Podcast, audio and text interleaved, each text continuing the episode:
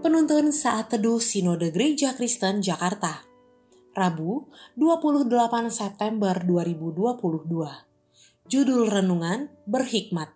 Diambil dari Nats Lukas 10 ayat 5 sampai 12 Kalau kamu memasuki suatu rumah, katakanlah lebih dahulu, damai sejahtera bagi rumah ini.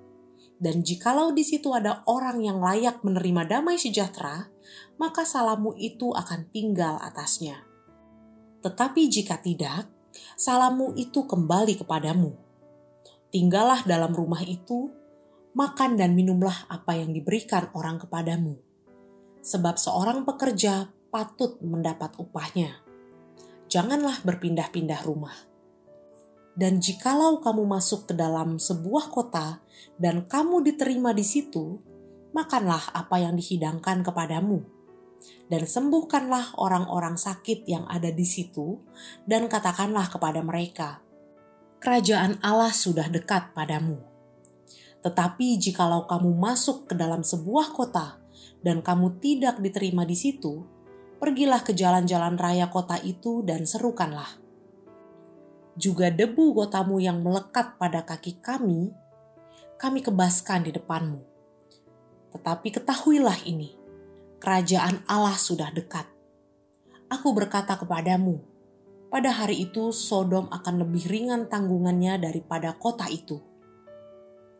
Suatu kali, ada beberapa orang Kristen mendatangi rumah orang yang belum percaya untuk memberitakan Injil.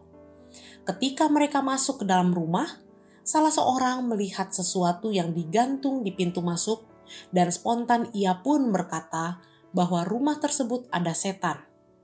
Seketika itu juga mereka diusir pergi oleh tuan rumah. Alih-alih menjadi berkat, malah menjadi batu sandungan. Banyak orang Kristen, karena semangat menginjilinya menggebu-gebu, mereka mengabaikan hikmat dalam berkata-kata dalam nas hari ini mengisahkan di mana Yesus mengutus 70 murid untuk pergi memberitakan Injil serta berpesan kepada mereka untuk selalu mengucapkan damai sejahtera bagi rumah yang mereka datangi. Tujuannya tentu agar murid-murid Yesus dapat diterima oleh orang-orang di kota di mana mereka pergi memberitakan Injil. Kalaupun sampai akhirnya mereka ditolak, Yesus pun berpesan agar mereka pergi dan mengebaskan debu yang melekat di kaki mereka.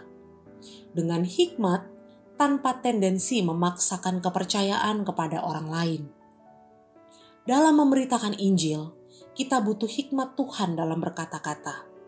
Karena itu, sebelum pergi menginjil, berdoalah terlebih dahulu, biar Roh Kudus yang menuntun dan memimpin kita kepada mereka yang siap untuk dituai.